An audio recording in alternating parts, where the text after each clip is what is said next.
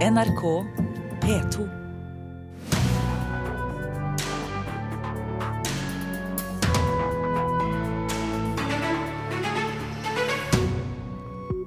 Toppolitikeres kontakt med velgere på sosiale medier blir ikke dokumentert. Det svekker muligheten til å holde politikere ansvarlig, mener nasjonalbibliotekaren. Svak åpningsfilm under filmfestivalen i Cannes. Den franske filmen Le Fantôme d'Ismael imponerte ingen. Og blogging som fenomen er 20 år i år. Vi har snakket med Norges første blogger. Og tro meg, det er ikke alltid like gøy for henne å lese opp igjen det hun en gang skrev til seg selv i fremtiden. Du får høre mer om det etter hvert her i Kulturnytt, som er en del av Nyhetsmorgen. Og Nyhetsmorgen det hører du hver dag på kanalene P2 og Alltid nyheter.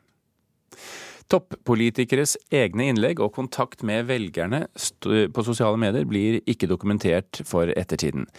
Direktør for Nasjonalbiblioteket Aslak Sira Myhre mener det er svært viktig at dette tas vare på for å dokumentere den offentlige samtalen i vår tid, om vi ikke gjør det, så mister vi både en del av hukommelsen vår og muligheten til å holde politikere ansvarlig for det de sier og gjør, advarer han. Her er spørsmålet om å være med på en runde golf, f.eks. Uh, jeg må nok svare nei. Slik hørtes det ut da tidligere statsminister Jens Stoltenberg arrangerte spørretime på Twitter for tre år siden. Og tidligere denne uka hørte vi at statsminister Erna Solberg kommuniserte direkte med velgerne i diskusjoner på Facebook. Erna Solberg skrev i går et svar på Facebook, hvor hun understreket at skole Denne måten å kommunisere direkte med velgere og meningsmotstandere på, er noe nytt og historisk. Men denne kontakten blir ikke bevart for historiebøkene. For det er nemlig ingen som tar vare på Twitter-meldingene eller Facebook-statusene som statsministrene eller andre toppolitikere legger ut. Så dersom Erna Solberg sletter Twitter-kontoen sin i morgen, kan nasjonal historie være tapt. Direktør ved Nasjonalbiblioteket, Aslak Sira Myhre, mener det her er veldig problematisk. Vi er i en situasjon hvor ikke, viktige deler, vesentlige deler av det offentlige norske ordskiftet har flytta seg, eller er i ferd med å flytte seg, fra leserbrødspalten i avisene og radiostudioer og fjernsynsstudier og over i sosiale medier. Det betyr at hvis du skal dokumentere den offentlige samtalen i 2017, så må du òg kunne dokumentere f.eks. Facebook og Twitter. Hvis ikke så, så, vil det være som at du får en stor blindsone. Verken Arbeiderpartiet eller Høyre har noen rutiner for å dokumentere hva deres toppolitikere ytrer seg om. Til sammenligning er Det hvite hus pålagt å ta backup av alle twittermeldinger som den amerikanske presidenten legger ut, også de som Donald Trump sletta kort tid etter at han posta dem. Biograf og historiker Hans Olav Lahlum ser at det kan være et problem at aktivitet på sosiale medier ikke er dokumenterbart for ettertida. Det er klart det, det reiser noen litt interessante sider. Det er, det er, jo slik at mye mer kommunikasjon og ikke minst mer tilbakemeldinger som toppolitikere og andre kjente personer får, har jo flyttet seg over i sosiale medier. Og det er klart at det kan være en eh, viktig kilde eh, senere. Jeg har jo allerede opplevd i mitt arbeid med biografier at jeg har støtt på det. Fra 1.7 skal Nasjonalbiblioteket sikre dokumentasjon av alt som legges ut på norske nettsider, altså NO-domenet. Men de har ingen anledning til å høste det som skjer på utenlandske sosiale medier. Og der har vi ingen retter. Vi har ikke noen mulighet til å pålegge Twitter eller Facebook eller noen å gi oss kopier av det som skjer der. Og hvis vi begynte å høste på egen hånd fra disse, og så lagre det, så ville vi brutt all, all personvernlovgivningen i Norge. Aslak Sira Myhre mener at Facebook og Twitter må presses, sånn at vi skal få bevart det her for ettertida. Sånn at da eh, Facebook, Twitter, Google og de andre svære multinasjonale selskapene som, som både tjener store penger på dette her, og som aktivt jobber for å trekke debatten over seg at de faktisk òg får en pliktavlevering, nasjonalt og internasjonalt, som leverer dette fra seg. Det amerikanske nasjonalbiblioteket Library of Congress har hatt ambisjoner om å dokumentere all aktivitet på Twitter. Men oppgaven har blitt uoverkommelig når det tvitres 500 millioner ganger hver eneste dag. Aslak Sira Myhre er enig i at ikke alle samtaler på sosiale medier er viktig å dokumentere. Men muligheten vår til å dokumentere endringer i tidsånda hva som påvirker oss, hva som blir sagt, hva folk ytrer seg om. Og for så da hva ansvarlige politikere sier, ligger i å høste og lagre og sosiale medier. Og Hvis vi ikke gjør det, så mister vi både deler av hukommelsen vår, men òg deler av muligheten til å holde politikere ansvarlige for det de sier og gjør. Sa nasjonalbibliotekar Aslak Sira Myhre. Og reporter her, det var Oddvin Aune. Og Da har jeg fått en annen reporter inn i studio, Gaute Sakariassen. Han har gått gjennom avisen i dag for å lete etter kulturstoff som vi har lyst til å fortelle våre lyttere. Og Den første saken vi skal snakke om, Gaute, det er den svenske gratisavisen Metro, som har vært i hardt vær de siste dagene, og flere spaltister har sagt opp i protest. Hva skyldes all denne uroen? Nei, Bakgrunnen er et intervju som de to eh, eierne av eh, Metro gjorde med det høyrepopulistiske svenske nettstedet Nyheter i dag forrige uke. Og I det intervjuet så beskylder den ene av eierne, eh, Mats Kviberg, en journalist i i Metros satsing Viralgranskeren for å være stalinist, og tar til orde for å bli kvitt vedkommende. Og Den uttalelsen har da fått flere spaltister til å, å slutte i protest de siste dagene. Og TV-kanalen eh, TV4 har også kunngjort at de vil avslutte det samarbeidet de hadde med, med Viralgranskeren. Her er det en norsk forbindelse? Eh, ja, det er det i den forstand at den andre av de to eh, eierne, Kristen Ager Hansen, er norsk. og de to har lansert planer om å lansere Metro og Viralgranskeren i, i Norge. Hager Hansen har jo da i ettertid sagt at han angrer på at han stilte opp i intervjuet, at han ikke hadde sjekka nøye nok eh, hvilken type nettsted det var. Og han sier også at partneren Mats Kviberg uttalte seg som privatperson, og, og ikke da har noe med, direkte med drifta av selskapet å gjøre. Eh, folk som uttaler seg, eh, dreier det seg også om i Aftenposten i dag. Vi kan lese at norske forfattere vegrer seg for å skrive om ting. Hva er det de vegrer seg for, og hvorfor, Gaute? Eh, det Aftenposten har gjort her, er jo å ha tatt en, en ringerunde til et knippe norske forfattere etter at uh, Lars Saabye Christensen skrev et innlegg på, på, bloggen Forlagsliv tidligere denne måneden, der han hevda at den frie litteraturen er i fare. Um, I denne saken, så, uh, i denne artikkelen så forteller bl.a. Uh, forfatter Birger Emanuelsen at han har berøringsangst overfor enkelte fortellinger om 22.07. og Steffen Sørum forteller at han la bånd på seg etter å ha mottatt trusler i forbindelse med romanen 'Fundamentalt nå'. Men Hva var det Saabye Christensen skrev om da i denne, denne bloggen? Han skriver sterkt forenkla at alle legger bånd på seg i, i, frykt for å krenke, og, og, trekker jo da store linjer fra muslimer som blir krenka av sataniske vers eh, på 80-tallet, eh, til eh, dagens amerikanske college-studenter som vil ha advarsler på alt, høres det ut som og til norske redaktører som avlyser aprilspøken. Så det, det er både en, en brei og velkjent debatt, men han løfter den da over i litteraturen. Ja, skal vi se, Nå er klokka, klokka snart elleve. Ja, vi rekker å ta med siste spørsmål også, Gaute. Vårt Land de vier nemlig to sider i dag til eh, en kjendismenighet. Hva er anledningen?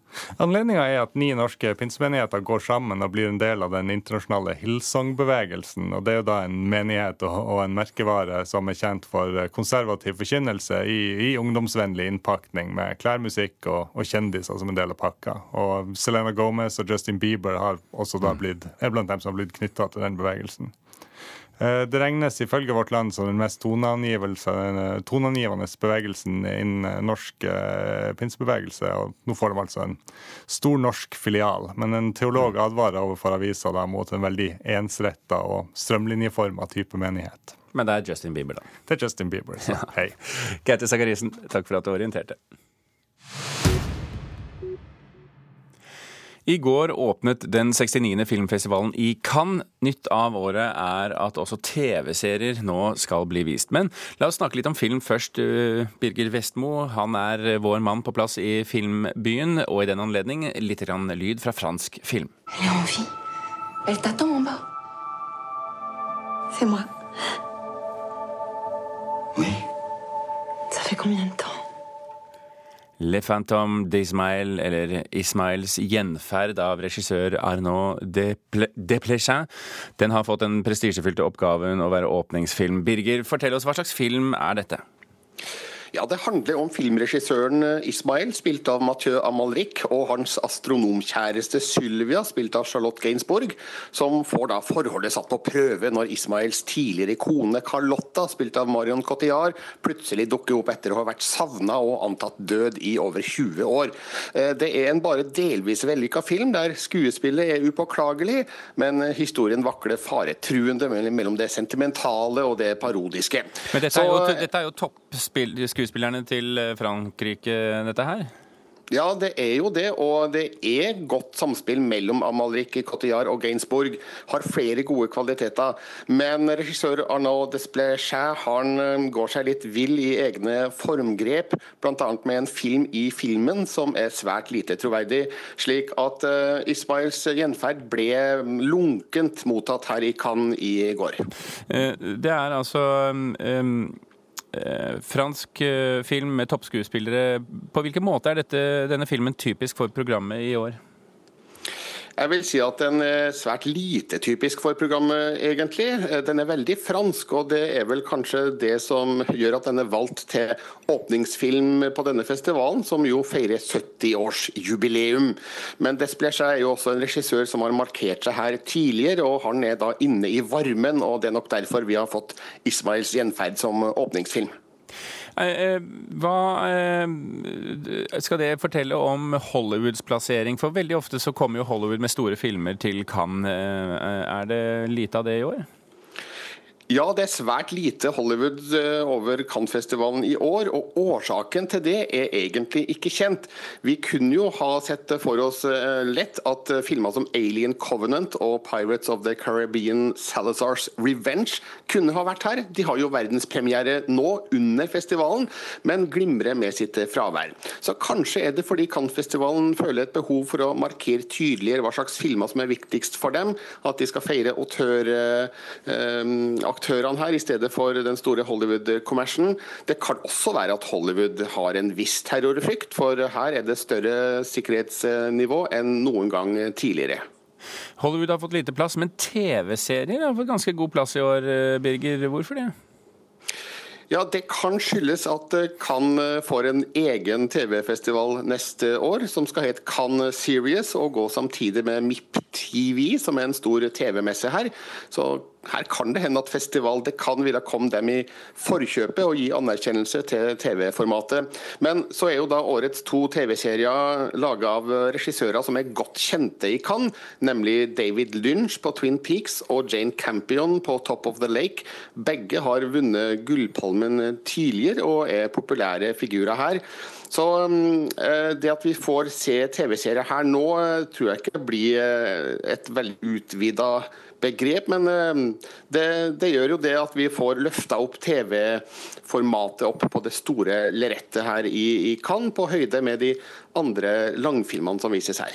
Samtidig Birger, så har jo Netflix blitt det store diskusjonstemaet i Cannes i år. og Hva er det som diskuteres der? Ja, Det som diskuteres er jo om Netflix-film som ikke skal vises på kino, fortjener plass på Cannes-programmet. Og Nå har jo festivalledelsen gått ut og sagt at fra og med neste år så må alle Netflix-produksjoner som eventuelt blir med på programmet, også ha fransk kinopremiere. Eh, de gjør unntak for årets eh, to deltakere, men fra og med neste år så må filmene vises på kino for å få en plass på programmet i Cannes. Men da kan de altså like godt havne i, i TV-festivalen, da, forstår jeg? Ja, det kan nok hende at Cannes Series da blir eh, det store for TV-bransjen neste år. Birger Wismo, hold oss orientert om hva som skjer i Cannes i dagene som kommer. Takk for at du var med i Kulturnytt i dag. Klokken er eh, passert 16 eh, minutter over åtte. Du hører på Kulturnytt, og dette er toppsakene i Nyhetsmorgen nå. Det var hektisk aktivitet helt til flyet med Joshua French var i lufta i går. Familien ble ikke informert før flyet var ute av kongolesisk luftrom. Antallet barn som legger ut på flukt helt alene er mangedoblet på kort tid. Og I USA er en eh, tidligere FBI-sjef utpekt som spesialetterforsker. Han skal undersøke om russerne påvirket det amerikanske presidentvalget. Og apropos valg, i morgen skal Iran velge president for fire nye år. Mye tyder på at dagens president Hassan Rouhani vil bli gjenvalgt. Amari Moghadam, menneskerettighetsforkjemper og leder av organisasjonen eh, Iran Human Rights. Velkommen til Kulturnytt. Takk. Hvordan vil du beskrive utviklingen for ytringsfriheten i Iran de siste årene med Rouhani som president? For fire år siden, eh, en av grunnene til at Rouhani ble valgt, var eh, hans løfter eh, når det gjelder forbedring av menneskerettighetene, f.eks. løslatelse av politiske fanger og forbedret ytringsfrihet. Dessverre har ikke vi sett til store forbedringer når det gjelder situasjonen for menneskerettighetene generelt.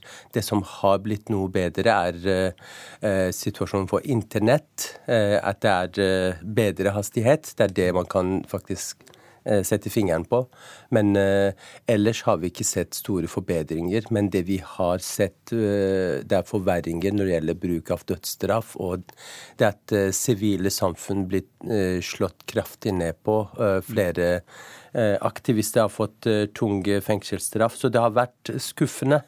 Men, men, hva er grunnen til det? Altså, gikk han til valg med løfter om lettelser for å bli valgt, og så, eh, eh og så eh, brydde han seg ikke om det? Eller er det det at han gjerne ville, men fikk det ikke til fordi det er Vokterrådet som bestemmer?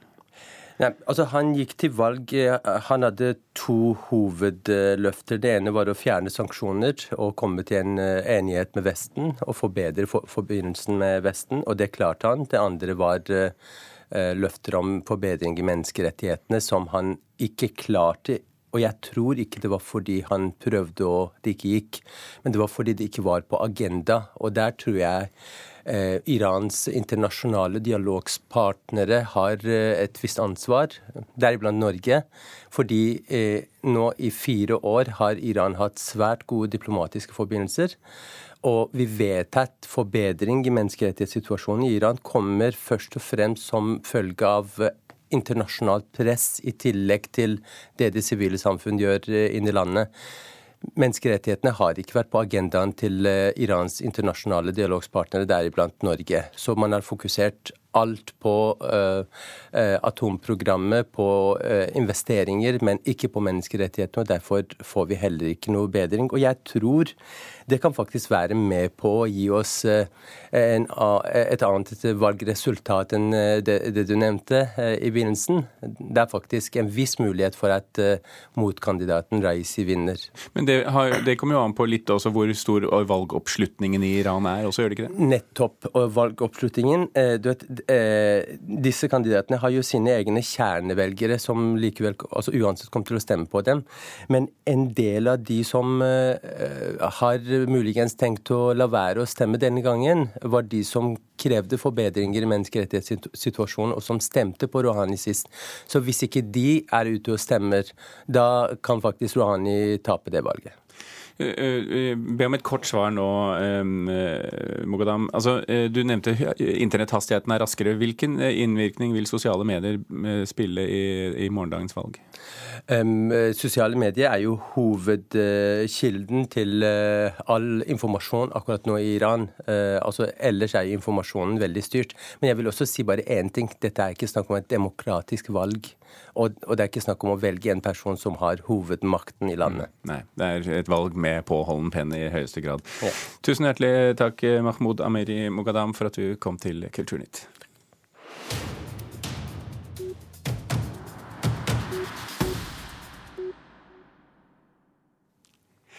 Bloggen som fenomen er 20 år i år. Selv om nettdagbøker har eksistert siden starten av 90-tallet, så var det først i 1997 at webloggen, altså bloggen, oppsto slik vi kjenner den i dag. Rundt tusenårsskiftet økte antall blogger helt vanvittig, og i dag er det ingen som har oversikt over hvor mange blogger som finnes. Det vi har oversikt over, det er Marianne Evang, som trolig skrev Norges første blogg. Og Så så jeg skiltet der det sto 'Jeppes', og jeg visste at vi var framme. Jeg prøvde å se inn vinduene om jeg kunne se noe. Men... Marianne Evang leser fra Huldras dagbok, trolig den aller første nettdagboka i Norge. I dette utdraget er Marianne på et irktreff i Bergen. I oppgangen sto det en plakat der det sto 'tredje etasje reservert internett'. Jaha, tenkte jeg. Internett. Internett var relativt nytt for vanlige folk på midten av 90-tallet. Og da amerikaneren John Barger brukte ordet weblogg, senere forkorta til blogg, for første gang i 1997, var det neppe mange som foreså hvor stort bloggfenomenet skulle bli. Nei, jeg forutså ikke at det skulle eksplodere på den måten. Altså, det her var jo noe jeg kom borti da jeg gikk på ingeniørhøgskolen på Gjøvik. Det med internett og e-post og sånne ting. Og, og, det var liksom bare enda en av mange ting man kan gjøre med datamaskiner. Og jeg tenkte ikke på det at det kom til å eksplodere og bli noe annet enn det det var. Men blogginga eksploderte rundt tusenårsskiftet, da det oppsto bloggplattformer der en ikke trengte å programmere sjøl. I 2005 ble den første norske bloggprisen delt ut, og vinneren var Vampus. På den tida anonym, i dag kjent som stortingspolitikeren Heidi Nordby Lunde. Til å begynne med så mente vi også at vi var en litt sånn radikal bevegelse som kom til å konkurrere med de store avisene om å kommentere på hendelser, og kanskje også ha breaking news. Lunde ville at bloggerne skulle velte regjeringer og korrigere pressen, men andre typer blogger vokste raskt fram. Og noen år senere her, så kom rosabloggerne, som vi ikke så komme i det hele tatt. Og fra å være et relativt oversiktlig miljø, er bloggværa etter hvert blitt altomfattende. Sfæren er ikke lenger én sfære, den er mange, og det er mange stemmer. Eh, og har eh, gitt oss noe som vi ikke visste hva kom til å bli. Og kommer til nok å være der også i, i framtida, men ikke helt som vi hadde trodd i 2005. Gill Wolke Rettberg er professor i digital kultur og starta sjøl den første forskningsbloggen i Norge. Hun mener at bloggerne har endra det tradisjonelle media. Når vi fikk bloggen som en lett måte for alle å publisere på, da tvinger jo du en annen type medieproduksjon enn det vi hadde før. Rettberg synes det er bra at folk kan ytre seg fritt på nettet, men hun ser samtidig noen farer etter hvert som det ble mer og mer kommersialisert, så ser jeg masse negative sider ved, ved, det. Du får samlet mye mediemakt i kommersielle plattformer som Facebook og Twitter, som vi i Norge kanskje har litt lite kontroll over. Marianne Evang er blant de som har tatt kontroll over sin egen skriving. I dag kan de næreste logge seg inn med passord og lese dagbøkene hennes på nettet. Og sjøl koser hun seg med å se tilbake på det hun har skrevet. Tenk så morsomt det blir å lese det her når jeg er blitt en gammel kjerring på 40 år. Og nå er jeg over 40, da, så jeg ble jo litt snurt da jeg leste det, men det er jo litt morsomt òg. Reporter her, det var Sigrid Sørum Gård Bottenheim. Og fra 20 år gammel blogg til sylfersk fantasipolitikk fra USA. The American people don't know what's best for them. I do. I know exactly what they need. They're like little children, Claire.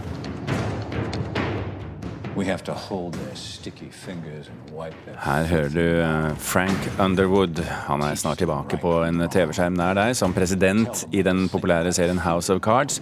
Dette er femte sesong av serien som strømmegiganten Netflix nå slipper. Premieren er først 30. mai, men Sigurd Vik i Filmpolitiet, du har fått lov til å se i hvert fall de to første episodene.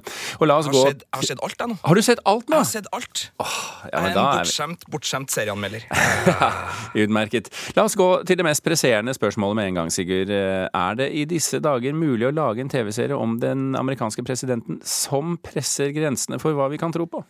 Eh, det er vel mulig, men House of Cards har vel kanskje ikke gjort det i sin sesong fem. De har riktignok tatt inn over seg at uh, Trump er der, og de har fletta inn en del hendelser og småvitser og andre ting som gjør at man kan nikke anerkjennelighet til at de registrerer at uh, Trump har blitt en greie. Her er det restriksjoner på flyinnreise, her er det noen golfvitser, og her er det fake news, så de er på en måte tar noen paralleller der. Men det er vel Nå gjetter jeg, men det ser vel ut som at de kanskje har rigga seg opp for en annen vinner i presidentvalget i USA, i og med at de har et ektepar som, eh, som, kniver om makten der, og kanskje også en mulighet for en kvinnelig president. Så eh, de speiler ikke den amerikanske virkeligheten helt, og de tar heller ikke pulsen på verken media eller politikk i USA i noe, noe særlig grad, og de er vel ikke så veldig drøye heller, syns jeg. Men, men eh, hva er tematikken i årets? Hva er liksom det, eh, det, punktet det dreier seg rundt i, dette, i, denne sesongen? Nei, det er jo det å tviholde på makt, og det å gå langt for å tviholde på makt, som fremdeles er tematikken. De som så sesong fire, vil nok kjenne igjen veldig mye av det det skal handle om i sesong fem òg. Jeg skal ikke avsløre for mye, for da blir jo folk irritert, og det skjønner jeg godt. Men eh, vi starter i hvert fall med at Underwood-paret sitter ved makta. Det er utfordrere, de utfordrer også hverandre, og så er det jo det å tviholde. Men serien har nå det, altså det er litt sånn desperat behov for påfyll, syns jeg, House of Cards, for det er mye gamle ansikt og gamle mennesker som føles nesten som sånn gjenferd som henger over serien og minner oss på hvor utrolig nært stolkanten serien fikk oss i sine første sesonger, og hvor spennende det var. Nå er det litt sånn de, eh, karaktermessig, og det er ikke så mye utvikling her. Det blir litt sånn mekanisk, nesten, det Underwood-paret gjør. Hvis du elsker dem, selvfølgelig, det her er ålreit TV-underholdning for all del, og det ser jo helt nydelig ut, men for meg som kanskje har gått litt lei at Frank Underwood igjen og igjen og igjen holder nesten den samme talen og er liksom like drøy, så blir det litt tamt eh, etter hvert. Men denne traileren som vi hørte lyden fra her, Sigurd, den avslører, i den grad man kan kalle det en avsløring, at president, president Underwood eh, han ser for seg gjenvalg ikke bare i 2020, men i 2024, 2028, 2032 osv. Altså en total systemendring av USA.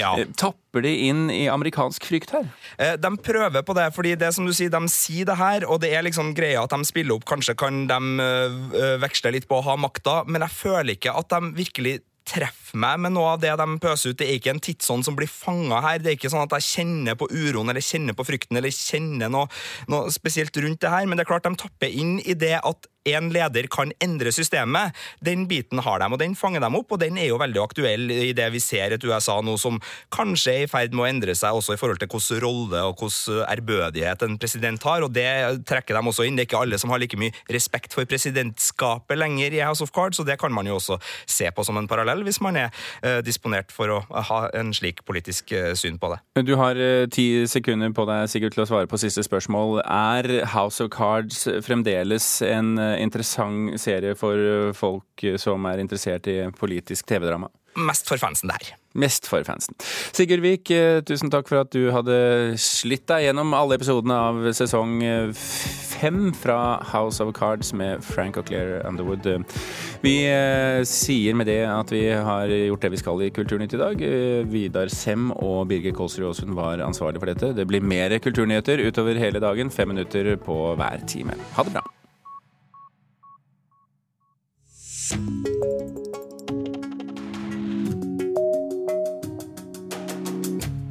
I skogen er det lett å gå seg vill. De mørke trærne skygger for utsynet. Men i eventyrene og den nye Munch-utstillingen til Knausgård er det nettopp mot skogen du må gå for å lære noe nytt. Hør Verdibørsen Skogen spesial klokka 13 i NRK P2. Hør flere podkaster på nrk.no podkast.